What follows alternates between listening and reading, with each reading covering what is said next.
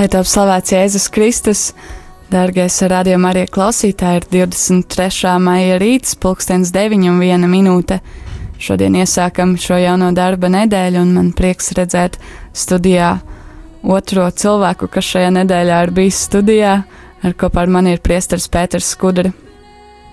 Jo izrādās, ir prieks mani redzēt. Paldies! Man arī ir prieks tevi redzēt. Un dzirdēt arī. Un dzirdēt arī, jā.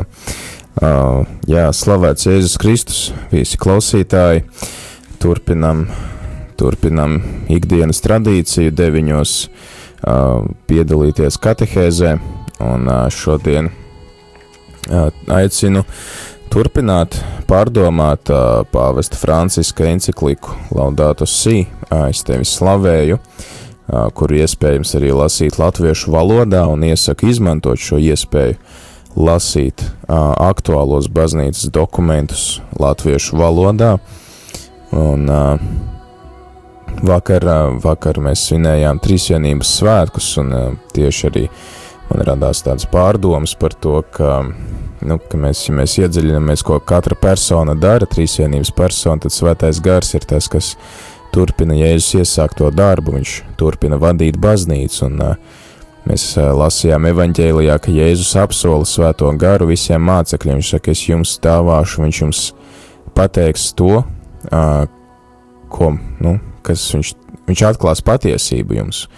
Jo viņš saka, šobrīd vēl jums es visu nevaru atklāt, jo visu neesat gatavi dzirdēt. Un uh, viņš to saka visai baznīcai, un tāpēc, ja baznīca mums kaut ko māca šodien, viņa mums uh, nemāca kaut ko, uh, nu, kaut ko tādu, kas uh, iepriekš nebūtu bijis, nekas nebūtu pastāvējis, bet ja māca kaut ko jaunu par Dievu tādā nozīmē, ka viņa atklāja mums, ko svētais gars vēlas teikt baznīcai šodien, jo atšķirās tomēr tā izpratne par Dievu, par baznīcu, par pasauli, kāda tā bija kādreiz un kāda tā ir šodien. Un, uh, lai tad sekotu šai svētā gara vadībai, mums ir jāsako tam, ko māca baznīca, tam, ko māca pāvests, uh, kuram Dievs ir uzticējis vadīt baznīcu, un kuram viņš tad arī dāvās svēto garu. Un uh, Laudātus Sī, šī enциklika ir viens no, viens no veidiem, kā svētais gars vada baznīcu, kā svētais gars atklāja to, kas ir šodien uh, kristiešiem svarīgi, kas šodien kristiešiem ir jāņem vērā, un šodien pāvests mūs īpaši aicina ar svētā gara vadībā uh, pārdomāt tieši šos vides jautājumus un mūsu attieksmi pret apkārtējo vidi, mūsu attieksmi pret uh, mūsu, kā pāvis saka, kopīgajām mājām, šo pasauli, kas mums ir dāvāta, kur mums ir devis Dievs.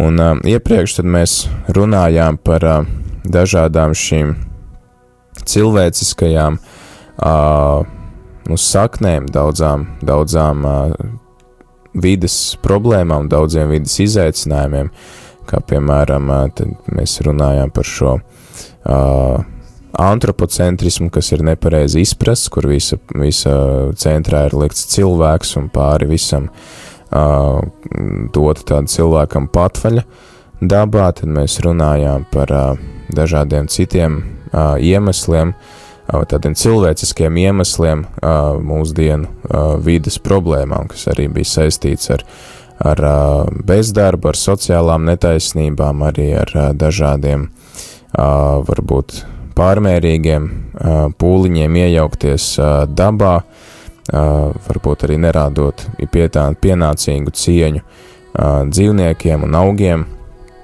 Un tad šodien pāvests mums piedāvā, tad es piedāvāju pārlasīt ceturto nodaļu, uh, kurā pāvests piedāvā šos ekoloģijas jautājumus risināt tādā integrālā veidā. Integrāls veids tas nozīmē, ka ņemot visus, visus šos aspektus, ņemot vērā visus šos krīzes faktorus, kā vienu veselumu un risināt tos visus kopā, nevis tikai kādu atsevišķu jomu, pārējās atstājot novārtā. Un tāpēc pāvests viņš izšķir tādas uh, trīs veida ekoloģijas. Ir vides ekoloģija, ekonomikas ekoloģija un sociālā ekoloģija. Un uh, interesanti tad, ko tas, uh, ko tas nozīmē.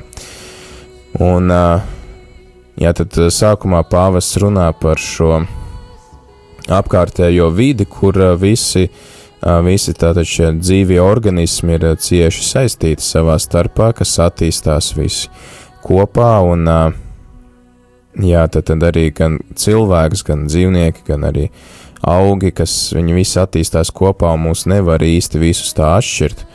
Atsevišķi mēs visi esam savstarpēji saistīti, un pāvests saka, ka dzīvo būtņu sugas veido vienotu tīklu Un eh, viņš saka, ka mums pat ģenētiskā informācija ir kopīga ar daudzām citām dzīvajām būtnēm. Tāpēc uh, pāvis uzsver, ka fragmentāras un izolētas zināšanas, kas nav integrētas plašākā skatījumā uz realitāti, var kļūt par sava veida neziņu. Tad, tad pāvests aicina tādu pēc iespējas plašāku, plašāku skatienu raudzīties uz apkārtējo vidi. Un, jā, tad pāvests runājot par šo vides ekoloģiju, viņš norāda, ka ir cieša saikne starp dabu un sabiedrību, un tā ir tāda nepārtraukta miedarbība, kad bieži vien arī pāvis saka, ir kaut kādās konkrētās teritorijās piesārņojuma cēlonis jāpēta, kā, lai risinātu piesārņojumu cēloni, ir jāpēta, kā funkcionē sabiedrība, tās ekonomika, rīcības modeļi un veidi, uh, kā tā uztver pasauli. Un, jā, tāpēc tad, viņš runā gan par vides krīzi, gan par sabiedrības krīzi, un ka tie iet roku rokā, ka mēs nevaram risināt šos jautājumus atsevišķi vienu no otra, bet ka tie ir vienkārši dažādi aspekti vienai, vienai problēmai, vienai krīzei.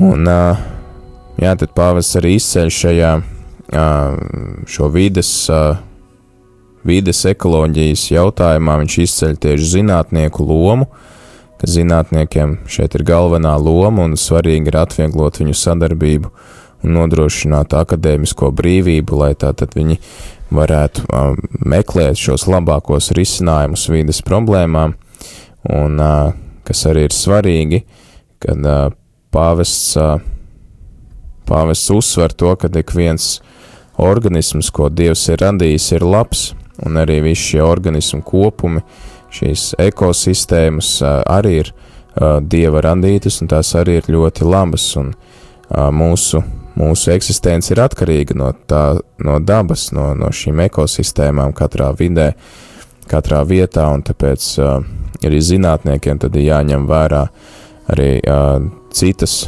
nozares, kas palīdzētu izprast uh, izprast cilvēkus, un tad arī ir labāk risināt visas uh, šīs uh, nu, radušās problēmas. Uh, ir arī tātad, kā jau minēju, uh, pāvests izceļ tādu ekonomisko ekoloģiju un uh, sociālo ekoloģiju, bet es domāju, ka par to mums ir uh, jāparunā pēc dziesmas. Tad tagad paņemsim dzies, muzikālu pauzi un turpināsim tālāk lasīt šo dokumentu.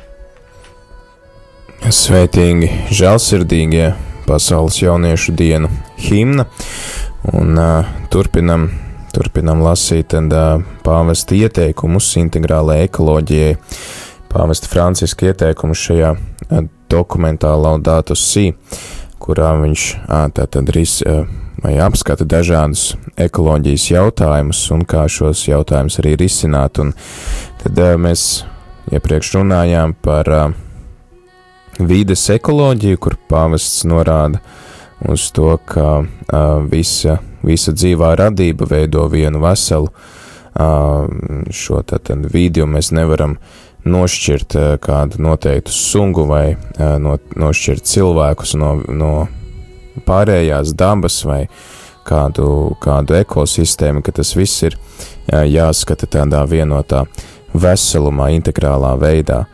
Un tad pāvests runā arī par ekonomikas ekoloģiju. Un ekonomikas ekoloģija pāvests to izprot kā izvirzot kā vienu no ekonomikas attīstības procesa būtiskas, būtisku sastāvdaļu, viņš izvirz tieši ekoloģiju, un ka šis tātad progress un ekonomiskais progress nedrīkst notikt, neņemot vērā ekoloģijas jautājumus, jo pāvis saka, ka ekonomikai, ekonomikas izma, izaugsmē ir raksturīga tendence automatizēt visu un standartizēt, lai vienkāršotu procedūras un samazinātu izmaksas. Bet, jā, viņš saka, ka tad vienu no pamata principiem vajadzētu izvirzīt arī tātad šos vīdes jautājumus, kurus ekonomikas izaugsme ņem vērā. Un uh,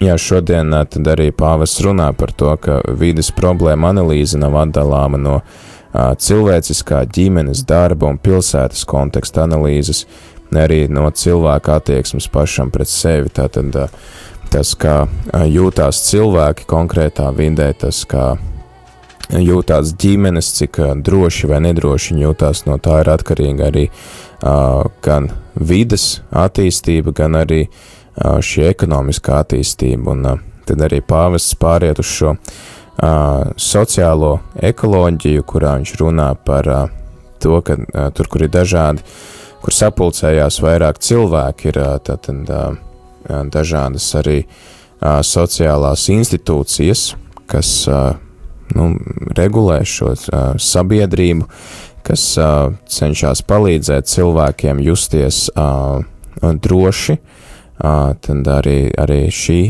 šīs institūcijas ir jāņem vērā. Jau kā, kā pamat, pamat tādas sabiedrības šūnu viņš min ģimeni, kas arī pāvestu mācībā jau šķiet no Jāņa Pāvila otrā laikiem tā īpaši tiek izcelta tieši šī ģimenes, ģimenes loma sabiedrībā kā, kā pamat šūna, kā tāda pamatvienība, kurā cilvēks var augt un attīstīties harmoniski saskaņā ar savu aicinājumu. Un tāpat arī viņš runā par plašāku mērogu institūcijām valsts un starptautiskā līmenī. Un pāvests tad arī min to, ka daudzām valstīm ir nestabila vai neefektīva institu institucionālā sistēma, kas rada nu, nopietnas problēmas iedzīvotājiem. Pamatā tā ir tāda neusticība. Vai arī viņš runā par to, ka ir, ir likumi, kuri var būt ļoti pareizi noformulēti, bet bieži vien tie ir tikai tukši vārdi, jo ja kāds šo likumu pārkāpj, tad neviens tā arī īpaši tam nepievērš uzmanību, un no tā pāvests saka cieš, cieš cilvēku uzticību, viņi vairs neusticās, un tad arī cilvēku, cilvēku tātad, nu, sabiedrība zināmā mērā degradējās, zūd uzticība, pieauga, pieauga korupcija, pieauga likuma pārkāpšana, pieauga tad arī attiecīgi nu, tāda bezatbildīga rīcība gan vienam pret otru, gan arī pret apkārtējo vidi. Un mēs redzam, ka tas, ko pāvests visu laiku uzsver, ir tas, ka runājot par vides problēmām, droši vien vairāk tas skartu cilvēkus, nu, kuriem nav autoritāte baznīca, kas varbūt ir gatavi cīnīties, aizstāvēt vides uh, tiesības un dzīvnieku tiesības, bet uh, tad arī viņiem ir jāņem vērā uh, šīs cilvēciskās realitātes. Savukārt, kā mums kristiešiem varbūt ir uh, bieži vien tieši uzsvars uz, uz šo garīgo realitāti, uz attiecībām savā starpā, bet mēs varbūt piemirstam arī par mūsu atbildību pret apkārtējo vidi, jo nu arī jā, cik, cik kristieši, piemēram, kas iesaistās kaut kādās kustībās, uh, nezinu, par dzīvību vai garīgās kustībās, par garīgo atjaunotni, cik viņi, piemēram, rūpējās par, par vidi, cik viņi rūpējās, piemēram, par atkritumu šķirošanu vai līdzīgām lietām, kas varētu veicināt vides sargāšanu, vides, jā, tātad kopšanu un sargāšanu. Pāvests vēl arī runā par tādu kultūras ekoloģiju, kas uh, bija tā ļoti interesanta kultūra.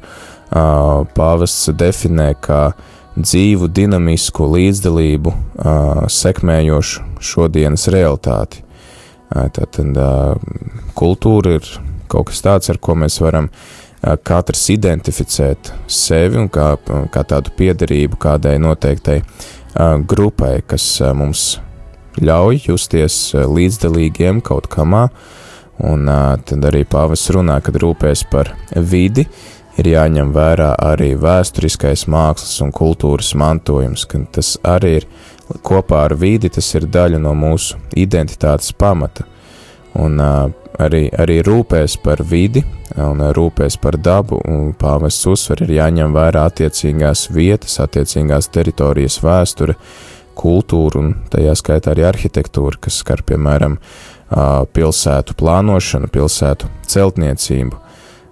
Tāpēc pāvests aicina uz dialogu starp zinātniski, tehnisko valodu un tautas valodu, un vairāk pāvests arī piešķirā, pieskarās tieši šīm tādām nu, tautas kultūrām, kas ir tādas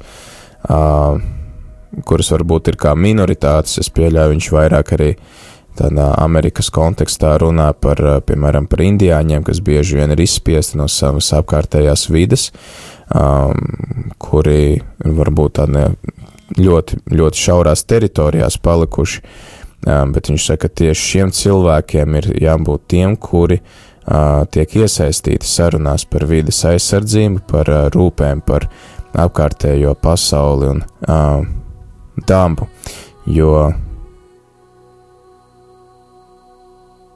Jā, tātad, šie cilvēki ir tie, kuri vislabāk arī spēja parūpēties par konkrēto teritoriju. Viņi, viņš runāja, ka iezemiešiem zeme nav nekāda prece, bet gan dāvana, kas saņemta no dieva un senčiem, kuri tajā andusas, un tā ir svēta vieta, ar kuriem viņiem nepieciešams miedarboties, lai nezaudētu savu identitāti un vērtības.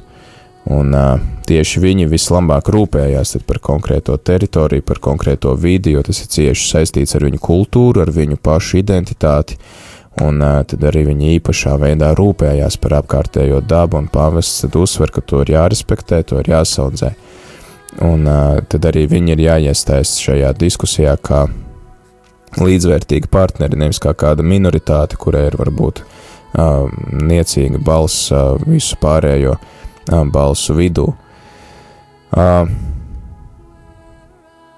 jā, un pāvests arī saka tādus vārdus, ka daudzas vidas intensīvas izmantošanas un degradācijas formas var ne tikai izsmelt resursus, kuri vietējos iedzīvotājus nodrošināja ar iztikas līdzekļiem, bet arī sociālos resursus, kuri ļāva īstenot dzīvesveidu, kas ilgstoši noteica kultūras identitāti, kā arī dzīves un kopības jēgu. Un es domāju, šeit arī mums latviešiem ir ko pārdomāt, ņemot vērā to, ka pirmskara gados ļoti daudzi mūsu vecvecāki un vecāki dzīvoja tieši laukos un dažādās saimniecībās, lielākās vai mazākās saimniecībās, bet lielākā daļa iedzīvotāji dzīvoja laukos, un šodien ir nu, nomainījušās tikai dažas paudzes, kad atkal situācija ir pilnīgi pretēji.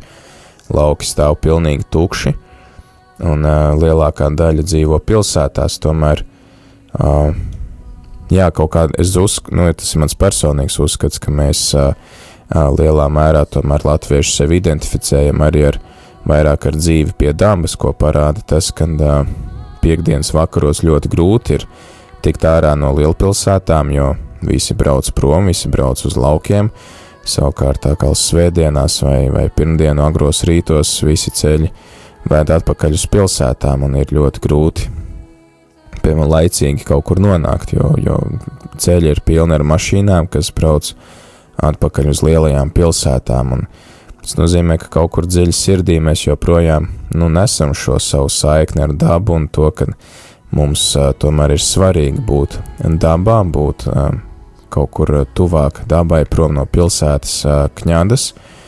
Un arī vispār mums, man liekas, latviešiem tā stādīšana un sēšana ir ļoti tuva, jo tas pats arī notiek pilsētās. Ir, ir cilvēkiem māju palodzes, balkoni sastādīti ar puķiem, ar pat dārzeņiem vai kādiem augļiem. Un, jā, tad arī mums, mēs varam pārdomāt paši, cik mums, cik mūsu pašu identitāti veido tieši dzīvošana laukos, dzīvošana kādā konkrētā vidē, un uh, ka varbūt arī ir vērts uh, nu, tik ļoti nepadoties šim tā, šai tādai tendencei uh, pārcelties tikai un vienīgi uz pilsētu, bet varbūt ir vērts mēģināt attīstīt tieši šo saimniecisko darbību laukos. Šodien noslēgsim ar ikdienas dzīves ekoloģiju, kas tas ir, to uzzināsim pēc dziesmas, un atgādinu, ka arī jūs, klausītāji, varat iesaistīties šajā katehēzē, kā, kā katru reizi jūs varat zvanīt uz uh, studiju tālruņa numuru 8809, vai arī rakstīt īziņas uz telefonu numuru 266 77 272.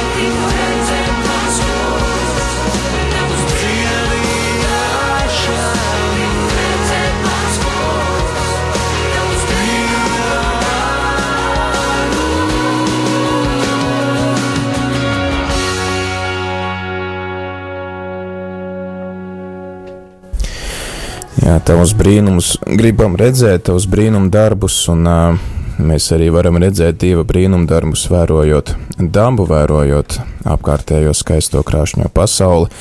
Turpinam šo rīta katehēzi un atgādinu, ka arī jūs, klausītāji, varat iesaistīties šajā katehēzē. Um, šī ir tomēr arī tāda saruna, kurā mums interesē jūsu viedokļi, jūsu jautājumi.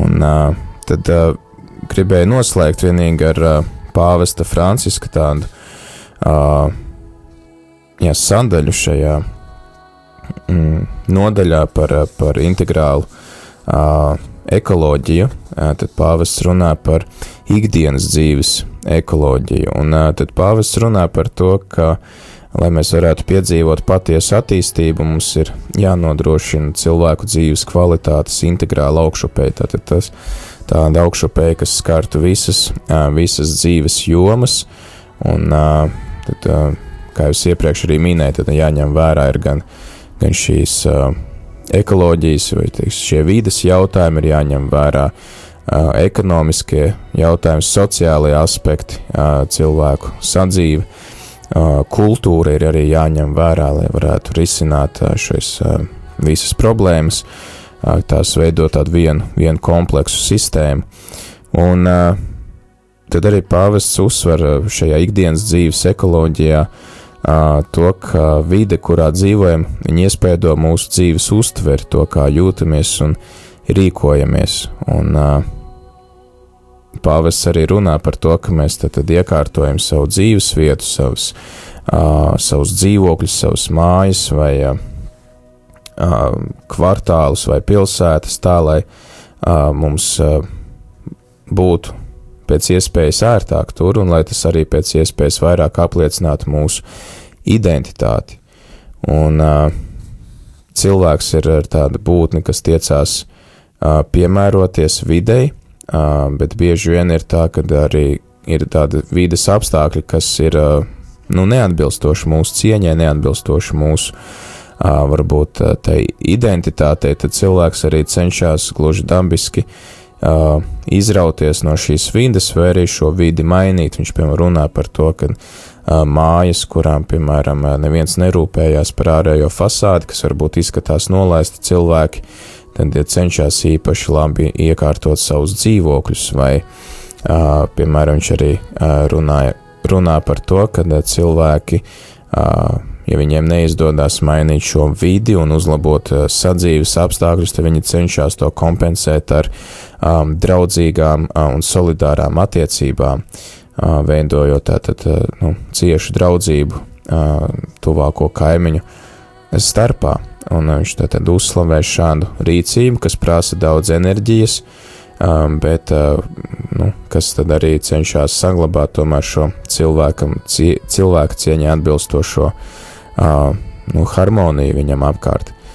Un, kaut, arī, kaut arī pāvis runā, ka īpaši arī tādos nabadzīgajos rajonos, kur ir trūkums, tur arī pietrūks harmonijas un pieauga brutalitāte, noziedzība, kaut kādas manipulācijas ar cilvēkiem, tad tomēr pāvests saka, ka mīlestība ir stiprāka. Un ka ir daudz cilvēki, kas uh, spēj uzturēt tādu piederības un vienotības saikni arī šādās vietās, un uh, kas, uh, kas meklē šo glābiņu.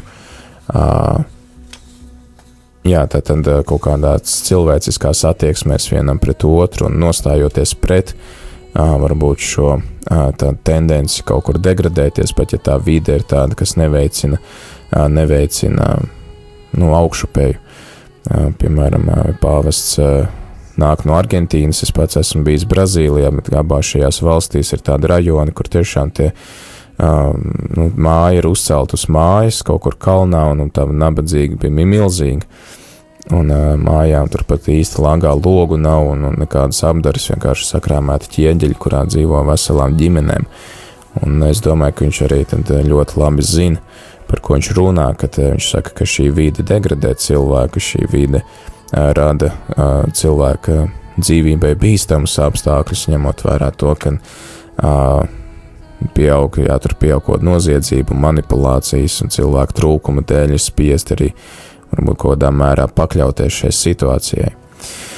Un jā, tad pāvests arī vēršās pie arhitektiem, pie visiem tiem, kas projektē mājas, kvartālus, sabiedriskās telpas un pilsētas, lai tiktu vē, ņemti vērā dažādu zinātņu nozaru pienesumi, kas palīdzētu izprast cilvēku domāšanas procesu, simbolus un rīcību. Jo pāvests saka, nepietiek ar skaistu dizainu vien, ka vēl vērtīgāks ir cits skaistums cilvēku dzīves kvalitāte, tās saskaņa ar vidi sastapšanās un savstarpējā palīdzība. Un, uh, tas vairāk tā attiecībā uz šo dzīvi pilsētās, bet arī pāvests aicina īpaši rūpēties par kādām konkrētām uh, ainavām uh, un vietām, kuras, uh, ar kurām cilvēki sevi identificē un uh, kurām nevajadzētu īpaši uh, bieži mainīties. Un, uh, te man nāk prātā uh, nu, tādas vietas Latvijā kā Daugavas loki vai uh, Vēntas rumba, piemēram, es domāju, ja kurš latvietis uzreiz identificētu ar ši, sevi ar šīm vietām, un tad arī uh, atsaucoties pāvesta aicinājumam, tad būtu tiešām vērts sargāt šīs vietas, ar kurām mēs sevi identificējam, un kas arī ir tāda daļa no mūsu, mūsu identitātes, no tā, kas mēs esam. Uh, es domāju, ka arī liela daļa atcerās staburagu, un uh, joprojām ir tāds droši vien cilvēkiem tāda nu, kaut kur varbūt rūkums sirdī par to, kas bija un kas ir pazaudēts vienkārši kaut kādas uh, cilvēciskās rīcības dēļ. Protams, ir forši, ka mums ir elektrība, bet ir uh, jā, arī jādomā, kā tas ietekmē visu apkārtējo vidi, lai nav tā, ka šī vide un, un ainavas nepārtraukti mainās, un mums arī nav ar ko īsti veidot šo saikni, un, un nav nekā tāda patstāvīga. Un, uh, jā, tad arī pāvests noslēdz šo, šo tādu sadaļu ar to, ka viņš citē pāvesta Benedikta 16. šo izteicienu par cilvēku ekoloģiju, ka arī cilvēkam ir daba, kura tam jārespektē un ar kuru tas nevar pēc savas patikas manipulēt. Benedikts 16. šos vārdus teica uzrunā Bundestāgā Berlīnē 2011. gadā, un Te mēs atkal atgriežamies pie tā, ko pāvests minēja ievadā, ka šie te, šīs vides, šie vides jautājumi cieši saistīti ar cilvēku paša dabu. Un ja mēs izturamies ar cieņu pret sevi un respektējam visus mūsu pašu vajadzības, tad mēs arī ar cieņu izturēsimies pret citiem cilvēkiem un pret apkārtējo vidi. Bet ja mēs uh, domājam, ka mēs pret sevi varam izturēties pēc savas patikas, ka viss, ko mums ir devis Dievs, tas, tas mums ir dots tādai patvaļai, tad mēs arī ar patvaļu sākam attiekties pret citiem cilvēkiem, pret apkārtējo vidi. Tālūk, tad par šiem integrālās ekoloģijas attīstības jautājumiem. Tas, ko saka pāvests, nākamā reizē runāsim par, par kopējā labuma principu, par kuru jau esam runājuši iepriekš, bet uh, ko būs vērts atkārtot, un, uh, bet tas nebūs rīt, jo rīt runāsim par kaut ko citu, un mums rīt arī būs ciemiņš. Šodien tad aicinu tagad iesaistīties jūs ar savām īziņām, ar saviem zvaniem, ar saviem jautājumiem. Tālruņa numurs studijā 8809, bet īziņas varat sūtīt uz 266 77 272.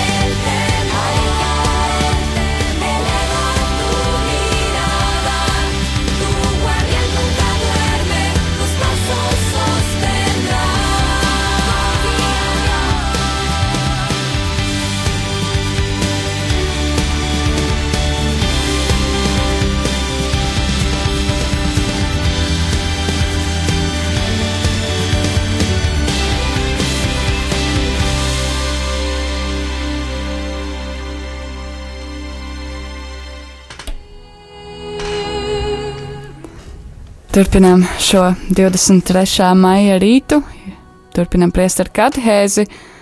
Ar jūsu jautājumiem atgādinām, ka joprojām vēl šajā laikā līdz pulkstens desmitiem ir iespēja iesaistīties. Tālruņa numurs zvaniem studijā ir 8809. Savukārt īsiņas varat rakstīt uz tālruņa numuru 266 772 72. Un nu laiks jautājumiem pievēršoties vairāk katehēs sākuma daļai, tad, ja baznīca maina attieksmi kādos jautājumos, vai tad sanāk, ka pirms tam tā maldījās? Mm, Nē, baznīca nemaldījās, jo tas mans ievads bija par to, ka svētais gars mums arvien atklāja jaunas lietas par kaut ko, ko mēs vēl neesam zinājuši līdz šim. Uh, tas ir tā, ka um, man patīk Klaivas Stepla Luīsas salīdzinājums, ka ar, uh, ar teoloģiju, ar dievu ir tā kā ar uh, pasaules karti. Uh, mēs nu, cilvēki no sākuma jau redz tikai to vietu, kas viņiem ir apkārt, un, un, un tās upes, un, un ezers un, un jūras, kas viņiem ir blakām. Tad ir kāds, kas aizceļo kaut kur, viņš redz, ka ir vēl kāds kontinents, un tas kontinents jau ir pastāvējis tur uh, jau no sākta gala. Tas kontinents nesāk pastāvēt, tad, kad viņu atklāja. Vienkārši mēs atklājam šo kontinentu, un tas paplašina mūsu redzesloku, tāpat arī Jēzus, kad viņš uh, apsola mācekļiem svēto garu, viņš saka, ir daudzas lietas, ko man vajadzētu jums atklāt, bet jūs vēl neesat gatavi to dzirdēt, jūs neesat gatavi to vēl uztvert. Mm, tāpēc arī ir, uh, viņš mums dod svēto garu, kas tad, kad mēs esam gatavi kaut ko uztvert un saprast, viņš mums atklāj šo realitāti par Dievu. Tā kā nav tā, ka baznīca, nu, tas, kas skar vismaz šos ticības jautājumus, nav tā, ka baznīca tad maina kaut kādu attieksmi pret Dievu vai mācību par Dievu. Viņi vienkārši atklāja kaut ko jaunu.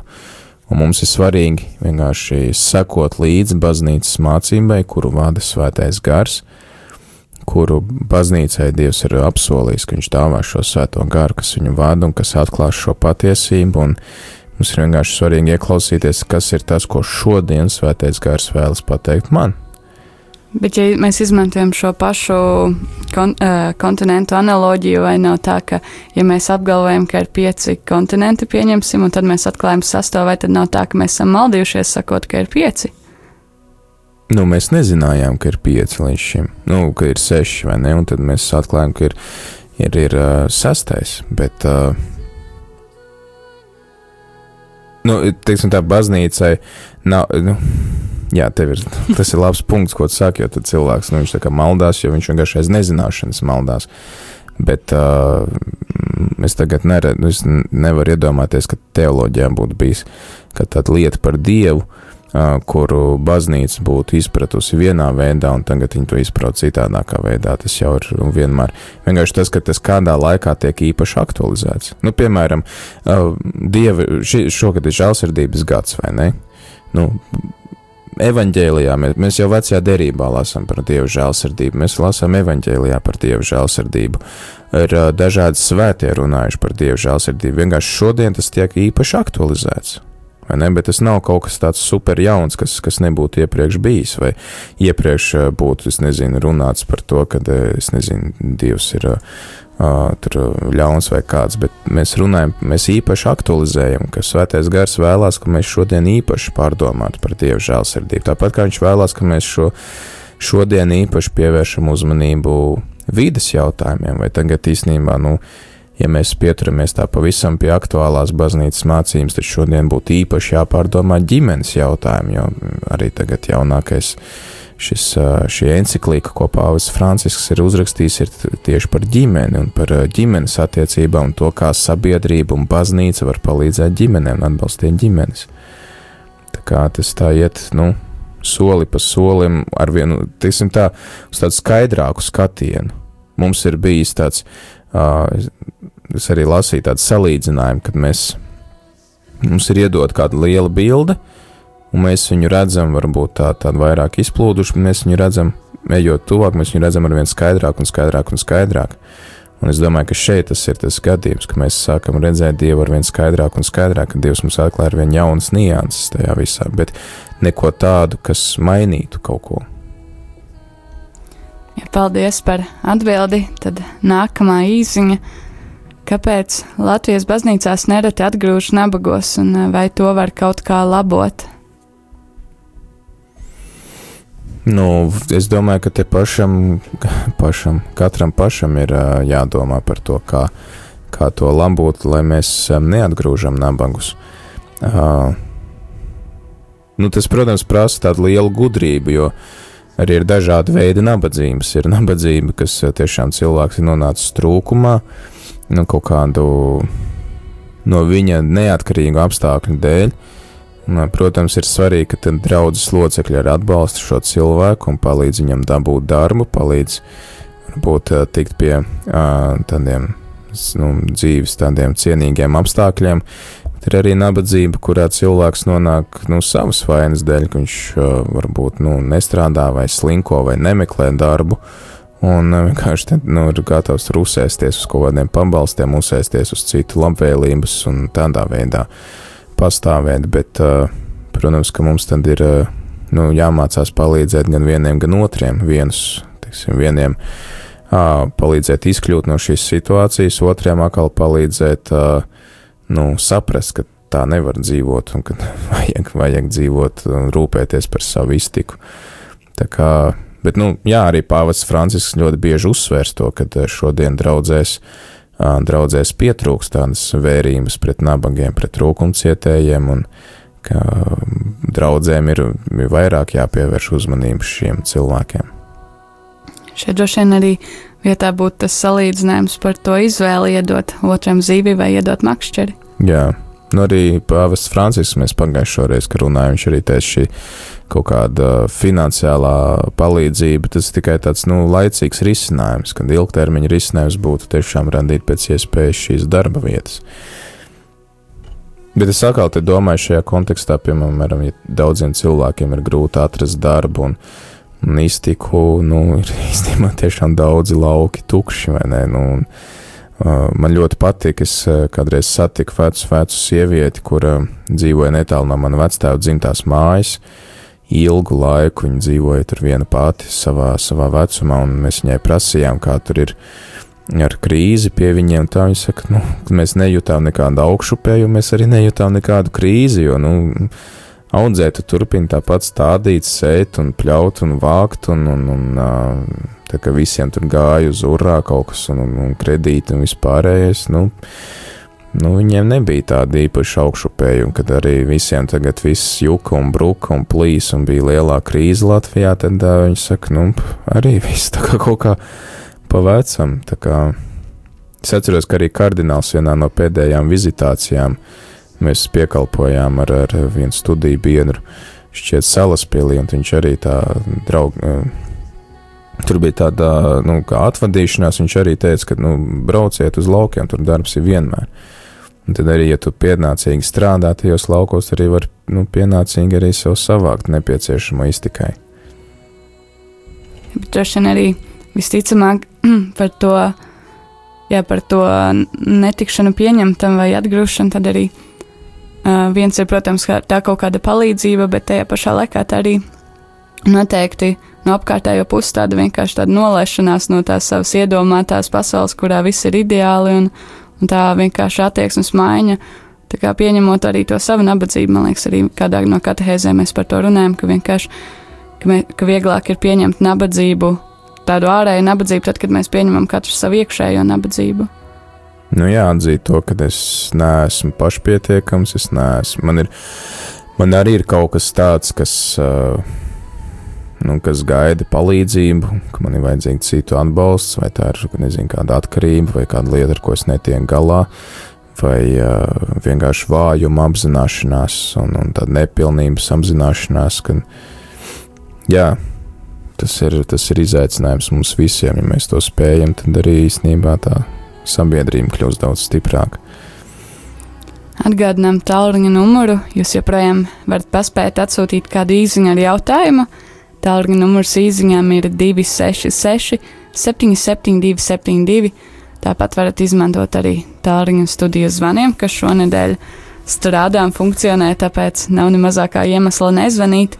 Mēs tiešām priecāsimies dzirdēt jūsu balsis, jūsu komentārus, bet uh, varbūt, Priester Pēter, tev ir Tas, tas tāds ļoti abstrakts jautājums, bet varbūt tev ir kāda ideja, kā veicināt draudzē šo sadarbību starp, es nezinu, kā to nosaukt, dažādiem slāņiem vai, nu, respektīvi ar šīm dažādajām situācijām, kā, kā veidot kaut kādu kopdarbu, kurā, kurā katrs var būt ieguvējis. Nu, pirmkārt, jau veidot tādas cilvēcīgas uh, attiecības. Un, uh, man, mani uzrunā tās draudzes, kurās ir šī tradīcija pirms vai pēc svētās mīsas vai kāda pasākuma vienkārši pavadīt laiku kopā. Un uh, neskriet uzreiz projām, vai, vai ne, neatskriet pēdējā brīdī, bet vienkārši pabūt kopā un papļāpāt. Piemēram, uh, es vakar aizvietoju uh, savu draugu tukumā, un tur ir, piemēram, vīriem, kas tur piekalpo un dzied. Uh, viņi pirms, uh, pirms uh, svētās mises satiekās, iedzer tēju, papļāpā, padalās ar piedzīvoto, un uh, nu, veidojās šis personīgais kontakts. Jo man liekas, uh, nu, viss vis tāds visneatbilstošākais uh, draudzēji, visneatbilstošākā situācija ir tā, ka mēs uh, draudzēs nepazīstam viens otru. Man liekas, tas ir nu, tas, ka galīgi, galīgi kas draudzē nebūtu vajadzīgs, jo draudzē ir tā vieta, kas mums ļauj piedzīvot to, ka baznīca ir ģimene. Un, ja es, ja es savā draudzē nepazīstu nevienu, tad nu, kaut kas nav kārtībā. Protams, var teikt, jā, man ir svarīgi veidot manas attiecības ar Dievu, ko tur tā plāpāšana, es aizēju, satiekos ar Dievu, palūdzos pārējie tie cilvēki, tā nu, vai ne, bet nē. Svētdienas dievkalpojums tāpēc, lai sanāktu ģimene kopā. Un, ja ģimene sanāk kopā, ieskrien pēdējā brīdī, noskaita pantiņus un aizskrien projām, tad nu, tas nav tas, kas ir, kam vajadzētu būt draudzēji. Es domāju, vajadzētu sākt ar to, ka mēs veidojam personīgas attiecības savā starpā. Un, kad jau veidojās šīs personīgās attiecības, tad jau mēs redzam, kā mēs varam viens otru atbalstīt, kā mēs varam viens otram palīdzēt. Um, ir, arī, ir arī dažādas iniciatīvas draudzēs, gan tas pats Karitas, kur, piemēram, es esmu redzējis, draudzēs ir lapiņas, kur cilvēki raksta, kādus pakalpojumus viņi var piedāvāt. Jā, ka, piemēram, nezinu. Kāds, kāds jurists, piemēram, kaut kādu daļu sava darba laika atvēl draudzes cilvēkiem, kas nevar atļauties jurista pakalpojumus, kad viņš pieņem, teiksim, nezinu, pirmdienā no trījiem līdz sešiem, tad, nu, tos, kuri nevar atļauties. Un, vai, nezinu, piemēram, kāds, kāda māte, kas pieskata bērnus, viņa, piemēram, arī tad, nu, ir gatavi pieņemt arī citu cilvēku, kaut kādus bērnus, kuri varbūt strādā, kur nevar atļauties dārziņu vai ko, ka viņi tad var atstāt, piemēram, pie šīs sievietes. Savukārt, atkal ir otra kaudzīta lapiņām, kur cilvēki raksta, ko, kas viņiem būtu nepieciešams, kāda palīdzība viņiem būtu vajadzīga. Un tā tad atkal saliekot šos cilvēkus kopā, tad mēs arī varam veidot šos tīklus un, un, un, un sadarbību.